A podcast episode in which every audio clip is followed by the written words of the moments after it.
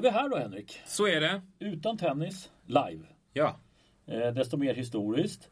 Eh, men vi börjar någonstans med att blicka framåt. Dagsläget just nu, när vi spelar in, antagligen kommer Wimbledon ställas in. Craig Tiley var rätt skeptisk till om han trodde att det skulle bli någonting.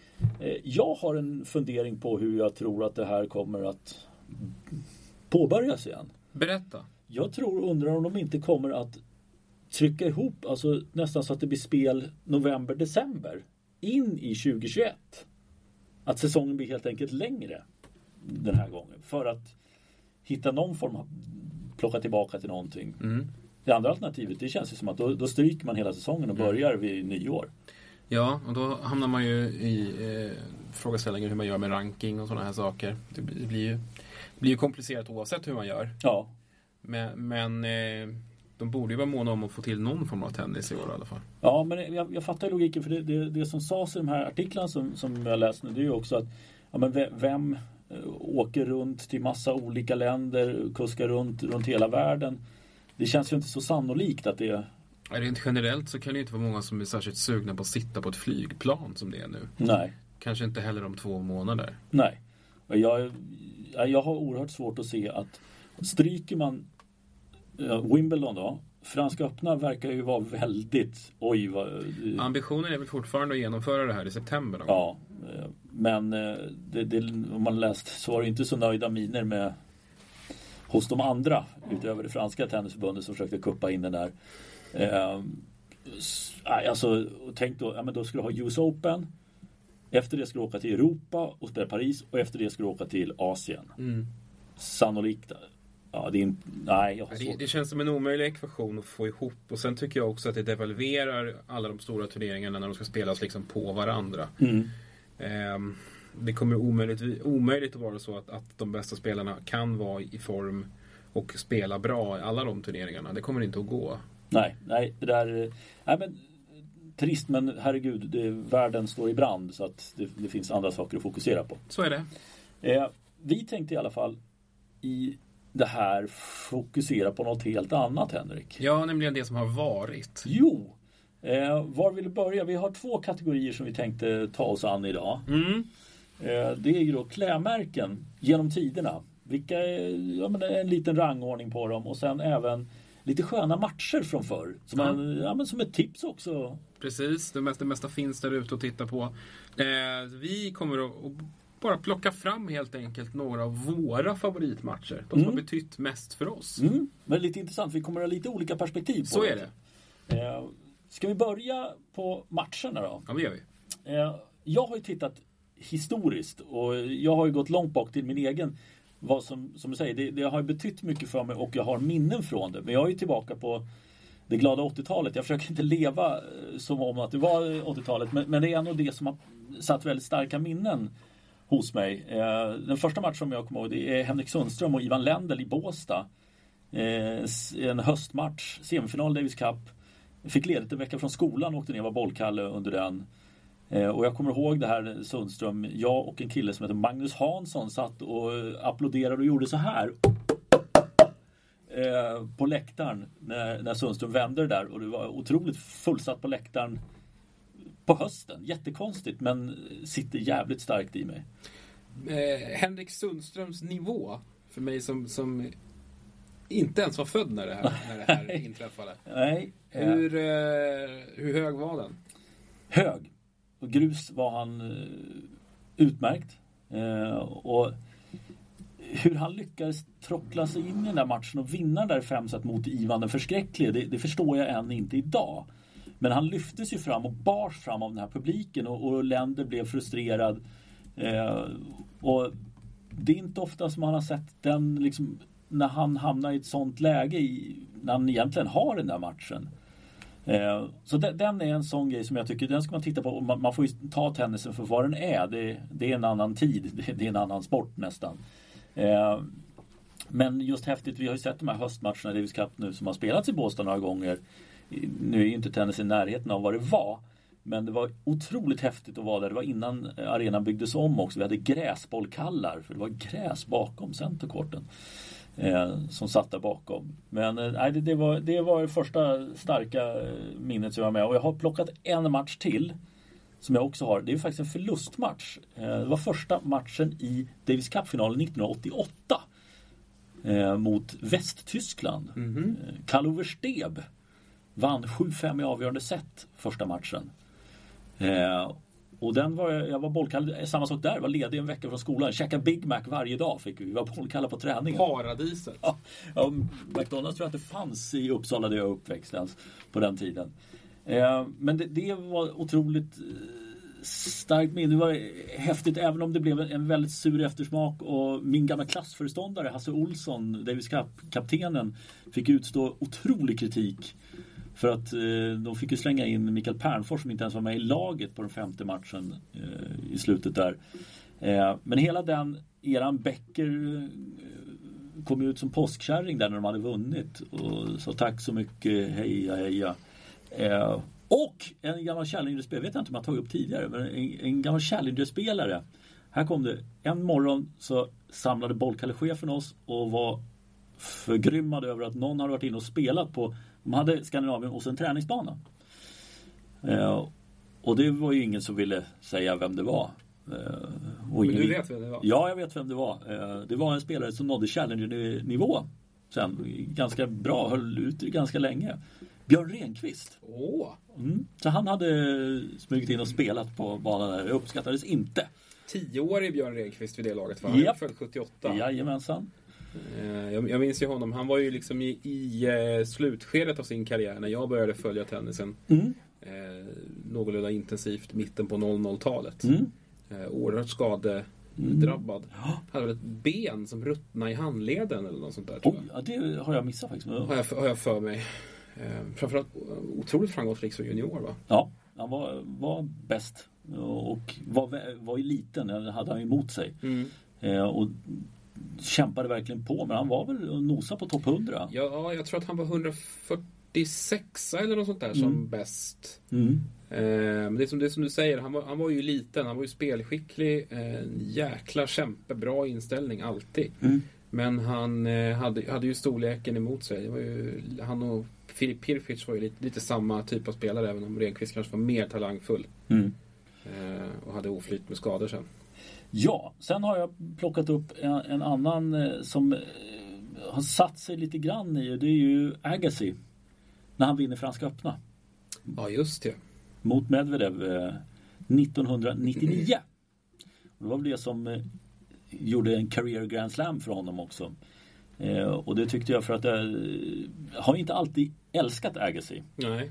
Men just det sättet han kom tillbaka och, och, och, gjorde det så pass bra och hade dessutom tycker jag liksom hittat en ny nivå och att han fick vinna alla fyra eh, det är häftigt oavsett vem det är. Men där, den kommer jag ihåg är väl en av de bättre insatserna. Nu hade han en hyfsat inom, ja, man ska säga enkel resa. Men det var, han hade inte de svåraste matcherna fram. Men att han tog sig hela vägen och vann den här finalen. För jag tror att den pressen på honom var enorm. Ja, han hade ju förlorat eh, Franska öppna turneringar som han väl på förhand nästan skulle ha vunnit. Mm. Eh, visst var det Michael Chang tidigt va? Eh, kan ha varit ja. 89-90 ja, där någonstans. 89 var ju då Edberg förlorade i mm. finalen. Mm. Jag tror att det kan ha kan varit 90. Mm. Han, hade ju en, en, han förlorade ju väldigt många Grand Slam-finaler tidigt i karriären eh, överlag. Och, och eh, var väl den bästa amerikanen på, på grus men ändå så var det ju Chang och Courier vann ju också mm. där. Mm. Eh, tidigt på 90-talet. Som, som eh, plockade de där titlarna. Precis. Jag vet, vet inte, du, du som ändå eh, följde honom på närmare håll än vad jag gjorde under den tiden. Eh, hur bra var han där? För att jag får ju intrycket av att han kanske i det skedet av, av sin karriär tog tennisen betydligt mer seriöst. Ja men det gjorde jag. Jag tror han, jag, jag, tror han hittade, hittade det och hittade harmonin. Det var väl Brad Gilbert var väl inblandad i där också. Eh, och för han var väl nere och dippade ganska ja, rejält där runt 90 Ja men det var, han var ju på väg och det var ju skador och det var ju när han var röka. Mm. Metamfetamin? Ja precis. Som han avslöjade i sin bok. Så eh, att han sen kom tillbaka och ja, man hittade det varför han skulle spela tennis.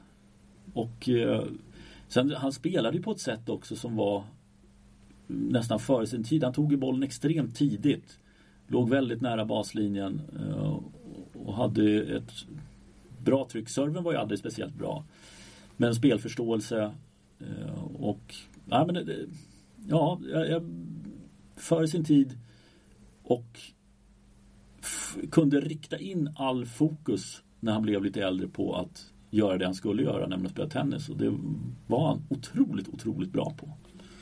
Eh, sen har jag bara plockat en match till. Eller egentligen det är två matcher som hänger ihop, skulle jag nästan vilja säga. Nej, tre matcher jag ser nu.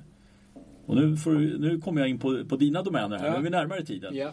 Eh, Wawrinka Novak, mm. kvartsfinalen 14, mm. när Djokovic vinner. Mm. Eh, 9-7 tror jag var i femte avgörande den gången.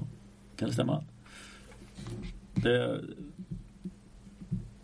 nej, det var, nej, det var 13. Det, 2013 Precis, var det. 13, 13 vinner med, med 12-10 ja. där i, i eh, femte avgörande. 2013, för då, då förlorade Wawrinka i fjärde rundan. Djokovic vann.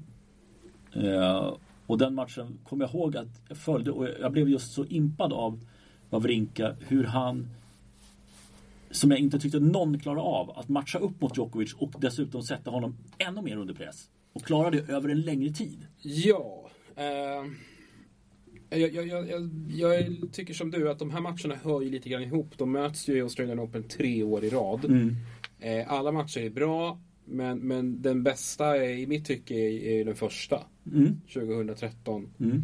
Eh, där, jag tror inte att Wawrinka hade börjat jobba med Norman där. Om, om det inte var så att han började med, honom, med det senare under 2013. Men det var en nivå i hans spel som man aldrig hade fått se honom hålla i så länge. Jag visste ju att han var otroligt spelskicklig. Eh, tekniskt sett fantastisk men, men vek. Mm. Eh, tappade ju matcher på ett sätt som liksom inte skulle vara möjligt. Eh, men den där, den där matchen sticker ut för mig. Jag, jag minns att jag såg hela och var liksom förbluffad över hur någon kunde störa eh, en så formtoppad Novak Djokovic. Mm. Eh, det, var, det var fullständigt sanslöst för mig hur, hur han fick Djokovic, som ju alltid är bra i Australian Open, och var bra där också. Han vann ju den turneringen sen. Mm. Eh, men hur han, hur han satte honom, som du, som du säger, liksom i, i tids, han satte honom i tidsnöd mm. hela tiden. Och det kan man ju se, eh, tycker jag man har kunnat se genom åren, korta stunder under matcher. Mm. Men här svarade Wawrinka upp över så pass lång tid. Och ja, det, Novak är ju ett fysiskt monster dessutom. Så är det ju. Ja, det var första, vi har ju fått se den där nivån ett antal gånger. Jag tror inte vi kommer att få se den igen. Tyvärr nej. Eh, men det här var ju första gången som han presterade den här ofattbara högsta nivån av tennis. Som, om man verkligen vill hårdra det och ta ner det på enskilda matchnivå. Knappt att någon har kommit upp i den överhuvudtaget. Det kanske är Djokovic som har gjort det. Mm. Men samtidigt så har ju Wawrinka på ett sätt som ingen annan gjort tycker jag. Eh, kunnat platta till en, en Djokovic i bra form. Mm. Det har ju varit en, en matchup som Novak verkligen inte har tyckt om. Nej. För att hans vapen blir så otroligt ineffektiva mot, eh, mot Wawrinka. Tack vare hans chansartade spel i otroligt högt tempo. Mm. Eh, och det, det, handlar ju eh, han, Wawrinka är ju totalt beroende av, av, att han har stäm i spelet. Att, att allting går hem. Att det är en sån dag mm. där, där, det rätta flytet sitter. Sånt som man kanske inte kan träna sig till. Eh, och det hade han ju den dagen. Sen tappar han ju den där matchen. Han är ju på väg att stänga den flera gånger. Mm. Eh, men det är, ju, det, är ju, det är ju den mentala som lyser igenom lite grann där. Djokovic är ju starkare i skallen än vad Novak är. Ja men så är det. Eh, det. I det skedet. I det skedet. Eh, men som sagt, den, den serien av matcher. Och sen eh, måste jag lägga till en till och det är Nadals första Wimbledon-vinst 2008. Ja. För det tycker jag är också någonting episkt. Att, ja, att han vinner för det första. Och på det sättet och den matchen som inte var helt okomplicerad att spela heller. För det var den regn, regnmatchen regn, regnavbrott. Eh, ett av de första åren med, med de här långsammare gräsbanorna också. Eh, framförallt också att den är så otroligt välspelad mm. från start till mål. Mm. De, eh, det var, var, väl, skulle jag säga, en av de första matcherna där de verkligen Året innan var lite, lite likadant egentligen, men det här är ju en, en 2.0 version av finalen 07. Där de verkligen klarar av att liksom locka fram det absolut bästa i varandras tennisspel. Eh, båda två måste verkligen maxprestera för, för att vinna. Eh, och ja, det är en intressant match, dels för att den är ja, men som, som kanske den bästa i, i historien. Eh, och sen är det också en, en god väg mot liksom piken när Nadals mentala övertag var som allra störst på Federer. Mm. Ja, för här var ju det, eh, Federers borg fortfarande då. När man kom 2008. Men han hade ju, Nadal hade ju vunnit mot i skallen också på de andra underlagen. Men här var det ju nog otroligt jobbigt när den sista lilla liksom eh, hoppet om att ha ett mentalt övertag någonstans försvann. Ja, för det, det, var, det var ett tungt, 2008 var ett fruktansvärt tungt år för Roger Federer. Eh, han vann ju US Open sen, mm. eh, men hade ju förlorat i Australian Open i semifinalen mot Novak Djokovic. Han hade ju förlorat i, i Franska öppna.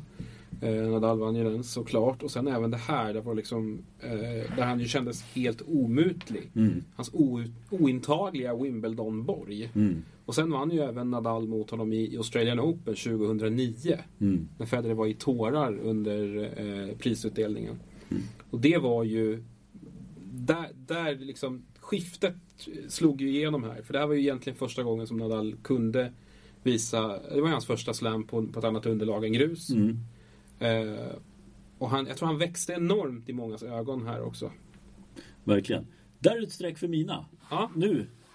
Jag hade ju, jag hade ju Wawrinka Djokovic med. Såklart. Eh, och även, även Federer Nadal på min lista. Mm. Eh, men jag har några andra också. Eh, litet hedersomnämnande till eh, Wawrinkas totala överkörning av Novak Djokovic i Franska öppna. Eh, när han plockade eh, den titeln 2015. Mm. Det är bland det häftigaste jag har sett. Hans resa fram där. Eh, jag tror aldrig han var bättre ändå. Nej, där pikade han nog faktiskt. Han, han, han körde verkligen över både Djokovic och Federer i den turneringen ja. på, på, ett sätt som ingen annan har kunnat göra. Eh, möjligen, möjligen Nadal, men inte tillintetgjort inte till då på det sätt som han nej, gjorde. Nej, men det, det överraskade så mycket det, det sättet som han vann mot Djokovic. Mm. Eh, på, ja, nej, det, det, skulle, det skulle inte gå. Eh, en match som, som jag eh, bär, bär med mig i minnet väldigt mycket. Det är eh, semifinalen i Australian Open 2008 tror jag att det är mellan eh, Rafael Nadal och Fernando Verdasco. Ah, fint! Ja. Det är ytterst sällan en spelare som inte har vunnit en slam liksom nämns i de här sammanhangen. Absolut. Men, men den här matchen sticker verkligen ut. Mm. Och det unika i den tycker jag är att Verdasco inte spelar bort sig själv. Som man alltid gör. Som man alltid gör. Eh, det här är enda och första, enda och sista gången tror jag. Ja. Så Fernando Verdasco presterar på sin absoluta peak vad han klarar av tennismässigt. Mm. Han ger allt. Han försöker så, så gott han bara kan. Han sliter som ett djur där ute. Han har vittring precis hela matchen. Fenomenal inställning. Eh, en, publiken är i total extas i fem set. Det är en otroligt häftig tennismatch. Eh, och Nadal vinner ändå.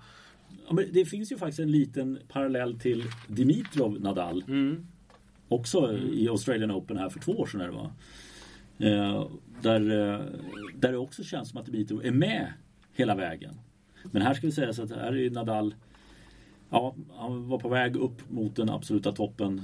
Eh, och nej, jag, jag minns också lite grann av den där matchen. Inte alls lika starkt som du gjort, men just Verdascos när man nästan skakar på huvudet och ännu mer efter när man just hans karriärmässighet att han alltid har vikt ner sig. Att här gjorde ja. han inte det. Nej, han gjorde ju inte det. Och ändå torskade han, vilket ja. är så otroligt surt. För han var väl värd den segern. Mm. Eh, nu, nu resulterade det i andra häftiga saker. Men, eh, och framförallt sättet han jobbade med sin forehand där. Det var eh, Gonzales klass. Oj, mm. oj. Otrolig, otrolig match. Eh, en annan match som naturligtvis sticker ut. Eh, Robin Söderlings seger mot eh, Rafael Nadal. Det är absolut inte den mest välspelade matchen som, som jag någonsin har sett. Men det är en så jävla häftig tillställning på så många sätt. Eh, jag jobbade på Eurosport då, eh, skrev mycket tennis eh, på webben. Det var ju liksom då liksom nu slumrande sport liksom i svenskens medvetande. Men vad den här segern gjorde liksom med sporten i Sverige under ett par år. Mm. Eh, var så jävla häftigt att följa. Jag vet att vi slog eh, besöksrekord på sajten. Veck, eh, dagsrekord och eh, veckorekord som jag tror stod sig nästan liksom under hela den här sidans fortlevnad. Mm.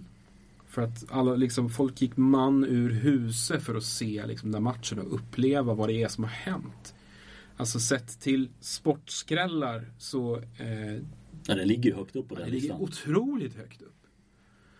Och det går att hitta alla möjliga förklaringar till eh, varför det blev som det blev. De som vill tona ner det här i efterhand pratar ju om att Nadal inte var helt skadefri. Och visst, det var ju den här vevan som, som hans knäproblem tog sin början. Han hade personliga svårigheter i form av eh, hans föräldrars eh, nära förestående skilsmässa. Eh, de blev ju ihop igen sen, så det löste sig. Mm. Men, det gjorde med tennisen också. Ja, Eh, det är klart att han var påverkad. Han var inte sitt bästa jag. Nej. Eh, men han var inte dålig. Nej, och, och, han det tycker jag man har sett fler Det är inte ofta som han går in på banan och, och, och spelar om han inte fullföljer heller. Då, då ställer, kliver han hellre av innan. Men det som Söderling gjorde var att han, han öppnade ju en dörr. Han, han gjorde det bland det mest omöjliga man kan lyckas med i idrottssammanhang. Nämligen att slå Rafael Nadal in femsetare på grus. Mm. Jag tror att Rafa har väl 121-2 eller något sånt där i, i femsetsmatcher på grus.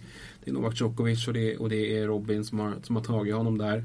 Han visar att det går att slå bort honom om man, om man verkligen får allting att stämma. För det, det var ju en sån grej när man tittar på den matchen var just det att, nej för fan, alltså du, du, kan inte stå och slå så. Du måste bli trött. Du måste bli trött av att stå och slå och mata så som Robin gjorde under den matchen. Mm. Men nej. Det skedde ju inte. Nej. Eh, jag, jag satt ju också bara och väntade på att allting skulle rasa till slut. Mm. Att han skulle komma på vad fan vad han höll på med. Ja. Och det har han ju sagt i efterhand sen att det gjorde han ju i fjärde set. Mm. När han höll på att serva hem matchen. Då slog tanken till vad fan är det jag håller på att ställa till med här mm. egentligen. Men lyckas ändå styra hem det här. Eh, och det var en match som var speciell på många sätt. De hade ju haft den här matchen i Wimbledon året innan. Mm. Där Sölling också hade totalvittring. Han ledde ju mot Nadal där ett tag och var på god väg att slå ut honom. Det var regnavbrott eh, och han gjorde sin eh, klassiska imitation av Nadal. Eh, och sågade honom på presskonferensen, de sågade varandra på presskonferensen. De var inte liksom såta vänner. Nadal hade också krossat honom i eh, Rom, tror jag det var. Mm. Eller om det var Madrid. Ja, någonstans Några veckor ganska, tidigare. Precis, ganska jag tror Robin fick ett gem då. Mm. Eh, så det var ju också en alldeles... Eh, det var anmärkningsvärda förutsättningar. Mm. Eh, och det är en match som det ju pratas om än idag, inte bara här. Utan internationellt sett och in, inte bara i tennisvärlden utan liksom I bredare, ja. ja. Så, så är det här en match som folk kommer ihåg och som har gjort enorma avtryck. Och det är ju Robins legacy liksom. Mm. Otroligt häftigt. Den kommer jag aldrig glömma. Eh, jo, sen är jag ju en, en väldigt stor anhängare av eh, US Open-finalen 2011. Och varför då? Eh, det har blivit liksom en lite så här... Eh, det har nästan blivit personligt för jag tycker att man pratar alldeles för lite om den. Mm -hmm. eh, Novak Djokovics tennisår i stort, hans 2011 är, ja, det... är kanske det häftigaste ja. som någon har mäktat med någonsin. Ja. Jag skulle nog säga att, att sett över ett helt år så har ingen hållit sån nivå som Novak Djokovic gjorde. Nej. Eh, och det fler, finns så många höjdpunkter från den säsongen. Eh, han är magnifik rakt igenom. Men det som jag tycker är intressant så här i efterhand är hur perspektivet liksom skiftar från att eh, Djokovic totalt äger ut Rafael Nadal i inledningen på säsongen. Han slår honom i Indian Wells, slår honom i Miami, eh, han slår honom också i Madrid och Rom. Mm. Sen så får de ju aldrig mötas i Franska öppna, vi kommer till det varför. Mm. Eh, han slår honom ju också i Wimbledon i finalen. Eh, och sen i US Open. Eh, men eh, egentligen som säger i Wimbledon så, så börjar något sätt, på något sätt liksom pendeln att svänga över gradvis i Nadals favör igen. Vilket är konstigt för han brukar, där brukar ju pendeln vara på väg liksom åt fel håll egentligen. Ja, för då brukar Rafa vara, vara trött. Men mm. om det var någon som var trött vid det här laget så var det Novak Djokovic. Mm. Eh, jag för mig att han hade åkt ut, ut ganska tidigt inför turneringarna in, inför US Open. Han fick sin supersvit bruten i Franska öppna. Eh, han hade spelat otrolig mängd matcher, otrolig mängd turneringar. Vunnit allt. Men här börjar han ju någonstans känna sig sliten och sen kom ju den här backlashen 2012. Mm. Han besegrade Rafael Nadal i finalen i Australian Open. Den här supermaratonmatchen som också är ett alldeles fantastiskt kapitel Många i fina matcher i Australien. Ja, verkligen. Eh, och sen så eh, är det ju flera Nadal-segrar i rad sen i, i början på 2012. Men någonstans här så börjar, börjar det skifta och de eh, har en alldeles episk duell i US Open-finalen. Mm. Djokovic vinner 3-1 i set. Och det som jag tror att, att gör att den här matchen inte riktigt har eh, eh, vad ska man säga, den statusen som en av de bästa någonsin och mest, mest spektakulära Grand Slam-finalerna någonsin är för att den inte är en femsetare. Ja, det ligger en del i det, ja. Men tar man ner det på bollduellnivå, och här tycker jag verkligen att ni ska youtuba den här matchen. US Open-finalen 2011 mellan eh, Novak Djokovic och Rafael Nadal. Vilka fantastiska poäng det är i den här matchen. Och du har två spelare som sliter livet ur sig, som aldrig ger upp en boll. Det är ett sånt otroligt fysiskt krig där ute. Mm. Det är en makalös tennismatch. Och jag minns att jag, jag såg hela den här matchen, jag jobbade då på Eurosport. Eh, jag var helt i extas. Ja. Makalös tennismatch. Jag, ja, jag ser ju på det här. Nej, jag, jag, jag, jag går igång oerhört. Eh, otroligt fin match. Ja, bra. Bra. Mm. Så kolla den. Så backar vi två månader. Mm. 2011. Mm. Eh, semifinal. Franska öppna. Roger Federer bryter Novak Djokovic monstersvit. Han är obesegrad under hela 2011. Mm. Fram tills dess. Fram tills dess. Federer är uträknad på grus överhuvudtaget. Han har inte vunnit en slam tror jag sen... Ja, jag, vet inte, jag vet inte hur lång... Kan det vara sen 2009? Ja, det borde vara va? Han gick väl tillbaka och vann i... Sen vann han i Wimbledon 2012. Mm. Eh, jag, tror, jag, tror att han hade, jag tror han hade eh, upp, uppehåll på Grand Slam-titlar mellan 2009 och 2012. Om jag minns rätt. Men han var i alla fall totalt uträknad på grus. Han hade ju sin titel efter att ha besegrat Robin Söderling i finalen 2009. Eh, men kändes ju redan där, så här, tio år senare nästan, lite grann på nedgång. Och Novak skulle i stort sett bara sopa hem det här. Den här matchen fick också lite intressanta förutsättningar för att Fabio Fognini skulle ha mött Novak Djokovic i kvartsfinalen. Mm. Men Fognini hade spöat, tror jag, Albert Montañez i åttondelen. Ja. Eh, och spelat gåtennis och varit skadad matchen igenom och liksom haltat sig haltat sig fram till kvartsfinal. Han var uppenbart skadad och lämnade ju VO inför den matchen. Mm. Så Djokovic fick, jag tror tre eller fyra dagar där han inte hade någon tennis att spela. Eh, och det här påverkade nog honom eh, inför den här matchen. För han fick svårt att hänga med i Federer tempomässigt. Samtidigt som, som Roger hade ett otroligt stäm i den här matchen. Spelade drömtennis. Jag, ja. vet, jag vet, inte om han har spelat bättre grustennis. Nej, grustennis, precis. Det, där är det nog tveksamt om man har nått den nivån. Varken före eller efter. Och det absolut bästa för egen del. Jag var där och såg ja, det... alltihop. Ja, det är, fan, det är svår, eh, svårslaget alltså att få vara där och känna den känslan. Verkligen. Eh, det var en otrolig match. Framförallt hur tidigt publiken fick vittring på en Federer-seger. Eh, det, var, det, var en, det var en makalöst fin tennismatch. Eh, Federer spelar också ett av tidernas snyggaste matchställ. Oho, ja. eh, I mitt tycke då. Eh, vilket, vilket inte gör det hela sämre. Blev ju förlust sen i finalen mot Rafa ändå. Mm, 3 1 set. Ja, men eh, det var en fantastisk, fantastisk semifinal. Han hade ju också en tuff match mot eh, Del Potro. Mm. Precis innan också. En femsetare om inte jag minns ja, fel. Där han hade tror jag 2-0 i set, tappade upp till 2-2. Eh, men lyckas grinda hem ett femte set och dåligt väder där också bara. Men eh, makalös, makalös eh, tennismatch. Ja, det också. Kul framplockat. Ja. Eh, är du nöjd? Ja, jag är nog det. Eh, Federers seger mot Nadal i Australian Open 2017 eh, är ju också eh, väldigt speciell. Mm, den, eh, ja, ja, men det är verkligen. Och det kan ni youtuba själva. Mm, eh, den har ni alla sett. Exakt. Eh, nu mm. Går vi in på de kanske inte, shine. Ja, inte riktigt. Det här är mer, jag kommer ju bli eh, två på pälsen av dig här. Men eh, vi tänkte lite klädmärken genom historien. Mm. Eh, jag har listat upp några här bakifrån. Eh, de som inte har lyckats fram till de finaste.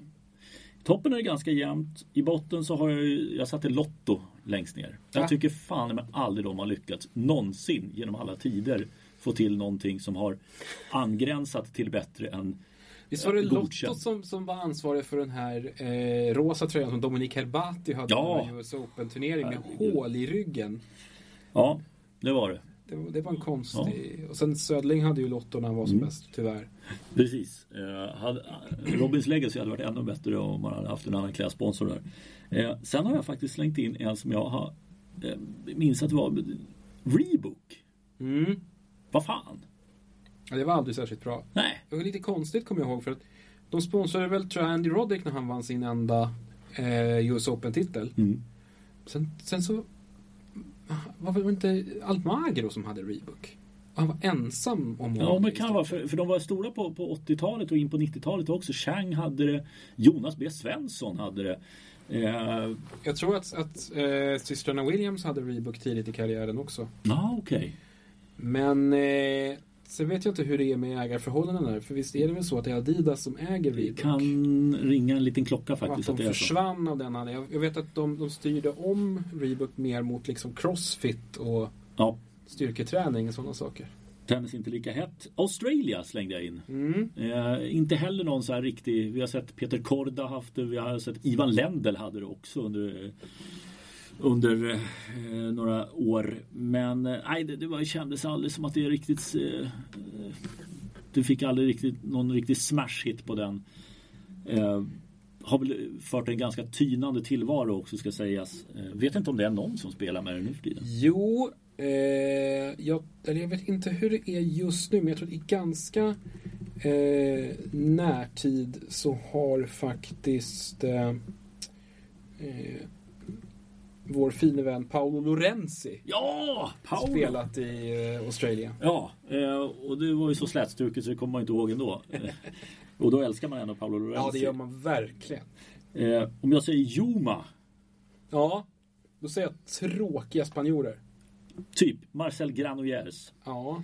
Jag tror även att en sån som Carreño Busta va? Ja, det kan nog stämma. stämmer. Ja, jo, men jag undrar om Jean Monar också ja, är där. Feliciano Lopez har avverkat dem också. Ja, tycker jag inte riktigt lirar Nej, det lirar inte med Lopez. Eh, annars mycket fotboll på dem var mest. Ja, mycket nej. spanska ligalag. Ja, men det, det, tycker vi inte om. Nej. Eh, flyttar vi ett hack upp. Nu kommer vi till ett racketmärke som, som var inne en bra vända men som för mig är totalt jävla slätstruket. Head. Ja. Aldrig sett något intressant i kläder. Exakt. Men samtidigt är det ingenting som har gjort mig förbannad på det. Nej. Utan det är totalt slätstruket. Eh, snäppet ovanför där, det är för att jag tycker att de har försökt, men jag har inte gillat riktigt. Adidas har jag lagt ovanför. De blandar väldigt mycket högt och lågt. Mm. Jag tycker att man hade några bra år här för några år sedan när, eh, när Songa var bra. Eh, men det, har något blått? Och, ja, något blått lite pusselaktigt som var mm. rätt snyggt. Men äh, jag, jag håller, håller med dig. Det det är lite så 50-50. Ibland, ibland är man mer bra, ibland är det klart sämre. Det de ska ha för det är att de faktiskt försöker ta ut svängarna emellanåt. Uh, det måste jag säga. Uh, sen ovanför, här är lite kanske jag får på pälsen, men Fila mm. uh, hamnar som sexa på min lista mm. på väg uppåt. Och Fila Retro är ju magnifikt. Alltså allt som Björn Borg hade på 70-talet oh. otroligt ja. såklart. Men det som drar ner det här det är att man har sponsrat John Isner. Och det är fan inte snyggt alltså. Nej, det är det ju verkligen inte. Det finns några damspelare som nu har, har plockat upp det igen.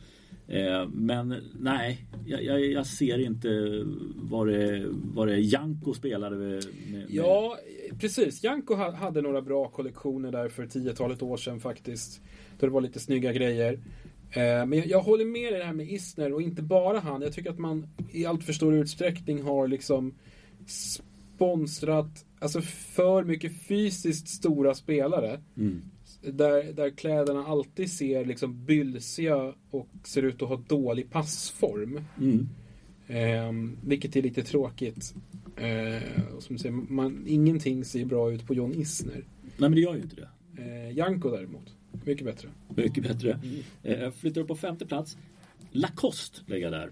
Eh, Bara femma ja, alltså. ja, precis. Nu, nu, vet ju du att jag är svag för Lacoste. Ja, jag, alltid varit. Och, och, jag är också det. Men jag, men jag kunde inte peta upp det för de är lite, alltså de är som ett... Eh, ja men de gör mig aldrig besviken. Nej. För det är alltid cleant, det är snyggt. Eh, men kanske just därför också. Det har inte varit så, de har inte svängt ut så mycket men det är så härligt att se det här. Ja, det, alltså det är ju alltid bra. En vit, en vit Lacoste-piké är ju, Nej, liksom, det, det är ju svårslaget ja, det är ju i alla, alla lägen. Um, så tycker jag också att man har haft väldigt bra känsla med vilka man har sponsrat. Mm. Inte alltid, men, men ofta. Liksom, att du har mycket folk som, som kör Lacoste. Benoit Per, Novak Djokovic liksom, som ser bra ut i nästan allting. Mm. Mm. Uh, som, som, faktiskt har liksom lite känsla för passform. Och... Guy Forger hade de också, ja. 80-90-tal. Inte heller fel. Men du har rätt i att de inte tar ut svängarna så mycket. Det har de egentligen inte gjort som de hade eh, Fabrice Santoro. Nej.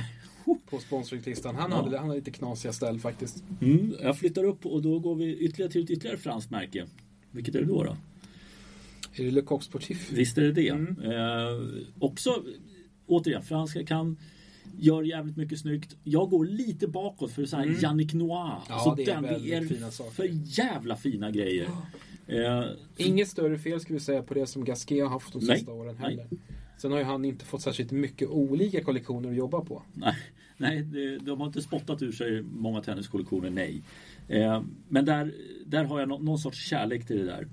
Eh, på tredje plats så har jag slängt in LS. Mm. Försvann under många år. Eh, stod Verkligen. på 70-tal, 80-tal. Eh, helt borta och sen nu tillbaka. Lopez har, har väl haft det bland annat. Eh, och jag tycker att de, jag har gillat deras deras tanke när det gäller eh, tennismode. Ja, som sticker ut för mig är Boris Becker på 80, talet Han hade väl less när mm. han eh, breakade vad var sin mm. första Wimbledon-titel. Extremt korta shorts. Mm. Nej, men jag håller med. De har varit bra i, i sin eh, comeback. Sen har de fått ett massivt uppsving. Det blivit ett trendmärke utanför tennisbanan också. Ja, verkligen. Oh, ja. De måste ju ha sålt hur mycket kläder som helst sista fem åren. Ja, fattar. Alltså, när jag började leta. Jag letade upp. Beställde fan mig från England och Italien mm. för att hitta de här. Och sen helt plötsligt ett år senare så springer var och varannan människa med LS-grejer. Ja, precis. Jag, jag, minns, jag var i London 2015. Mm. Eh, och då började det dyk, ploppa upp. Då var, då var det plötsligt LS-grejer i var och varannan sportaffär. Det hade jag inte sett överhuvudtaget. Nej. Eh, så det, ja men LS högt upp. Sen sätter jag faktiskt Nike på andra. För att jag tycker att de faktiskt har genom åren lyckats. Kanske på grund av att de inte de har inte heller tagit ut svängarna så inåt helvete mycket. Men de har haft Roger Federer som ett riktmärke. Eh, har ofta valt ganska bra grejer. Eh, innan han gick över till Johnny Klo. Johnny Klo har jag inte med på listan ens faktiskt. Eh, men du har ända från McEnroes dagar när de började.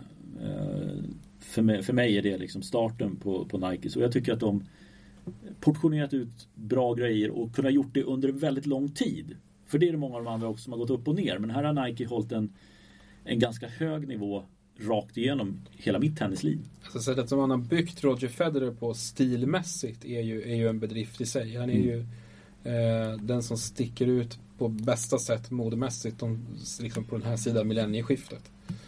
Eh, och det ska ju de ha massivt cred för. Sen tycker jag att de har tappat ganska ordentligt de sista två, tre åren egentligen sen ja, kanske sen Federers sista år med dem. Mm. Eh, men, men du har rätt i att de har hållit en extremt hög nivå under många år, som du säger, McEnroe, Agassiz kontroversiella ställ liksom, mm. i början på 90-talet. Det är, det är mycket intressanta grejer, mer intressanta grejer som har kommit från dem än, än exempelvis Adidas. Exakt. Eh, och nummer ett, där är ju min egen kärlek till Sergio Tacchini mm. eh, som är, eh, jag tycker att de ofta, det är klart att de har gjort missar eh, de också, men jag tycker att de har genom åren hållit en jävligt fina toppar som slår Nikes jämna höga nivå. Det är så intressant med, det är jättemånga italienska märken med här och liksom alla har i, i olika skeden brottats med någon form av ekonomiska problem. Ja, det stämmer. Och försvunnit mer eller mindre från tennisscenen under ett antal år. Kommit tillbaka i olika former. Sergio Tacchini också. Mm. Innan Novak Djokovic hade dem som, som klädsponsor eh, så fanns de ju knappt. Nej, jag undrar om Sampras, hade han Tacchini en vända? Eller har jag drömt det? Han tror... hade Nike väldigt mycket. Ja, jag, jag, tror att... Eh... Men det är inget, just där Jag vet att Juan Carlos Ferrero hade, ja, han hade, hade i början på ja. 00-talet. Sen, eh. sen även Jill Müller och eh, Tommy Robredo hade tror jag i, i något skede där också. Ja, det var under den tiden ingen brydde sig om Tacchini överhuvudtaget. Ja, det var väldigt tynande tillvaro där. Men, men Djokovic grejer som kom fram var ju, var ju bra tycker jag. Eh, sen hade de ju väldiga logistikproblem minns jag. Mm. Jag tror att familjen Djokovic ägde ju en del av... Eh... De hade en agentur va? För, för, de ägde, ägde de, inte moderbolaget, men de ägde väl någon form av agentur för distribution ja, eller för någonting. Jag för mig att Sergio många av de där märkena är ju ganska stora på Balkan. Mm. Så det har de säkert gjort en hacka på. Det får man utgå ifrån. Jag går ingen nöd på dem. Det var mina. Vad har, vad har jag missat för något där Henrik? Eh... Jag vet inte om jag tycker att du har missat så mycket. Jag eh, har ju en sån riktig hipster-outsider här i form av, det holländska märket Roby. Oj! Eh, som eh, sponsrade Robin Haase för tiotalet år sedan. Som var en superskön retro, eh, supersköna retrokläder Eh, med liksom, som påminner, hämtar mycket inspiration från liksom 70-talet. Mm. Eh, och de döpte eh, olika plagg efter gamla lirare också. Som, någon som hette Jerryd och någon som hette Mechir och så här. Och det var ju, det, gick ju liksom inte att, att inte älska det. Eh, ja, den, har, den har faktiskt passerat mig helt förbi. Ja, det, det var en, en, eh, en parentes kan man säga. Men, men Hasse såg, såg otroligt bra ut. Nu, nu håller jag upp en ja. bild här, för Petter. Ja. Och vad ung. Vad ung. Vad ung var. Ja, verkligen. Eh, det var innan alla eh, tiebreak-förluster. och livet gick åt fel håll. Nej, men det var väldigt stiligt. Jag minns att jag eh, suktade efter dem där. De var inte, var inte så lätta att få tag på. Nej. Så är det någon så kan ni ju DMa Henrik. De gör inte tenniskläder idag kan jag säga. Tråkigt mm. nog. Eh, nej men det är väl det. Sen så får man väl nämna Fred Perry som ju haft en enorm eh, inverkan historiskt sett. Men som bortsett från när man sponsrade Andy Murray när han kom fram inte har varit verksamma överhuvudtaget på tennisscenen. Nej. Sen finns det ju några andra så här som vi inte har nämnt. Under Armour. Mm. Eh, också Murray. Mm. Eh, också ganska tråkigt. Ja, aldrig fastnat. Hydrogen. Eh, för nytt för mig. Ja, eh, sen har vi ju Armani också. Emporio mm. Armani. Eh, som, ju, som ju sponsrar Fognini. Han är en av de som ser en av de bättre klädda mm. på touren. Definitivt. Dunlop. Inte heller något som vattnas i munnen. Jag tänker på eh, Thomas Johansson hade stora vita t-shirtar. Ja, ja, Jättestora vita tröjor. Ja, med Dunlop. Det, det är ungefär där. Där är vi va? Med, där är vi ja. ja. K-Swiss. Ja, ja, K-Swiss. Jag, jag har fan med dojor fortfarande. Är det så? Ja. ja de, de körde hårt där. De hade med bröderna Brian, jag tror de hade Gael Monfils, eh, mm. Marty Fish. Men det, det lades ner ganska snabbt. Ja, det lossnade aldrig riktigt Nej. för dem. Eh, ja, men en liten genomgång här i tennismörkret. Vi hoppas på att kunna komma med lite fler sådana här eh, avsnitt längre fram. Just det. Tack för att ni lyssnade. Hej!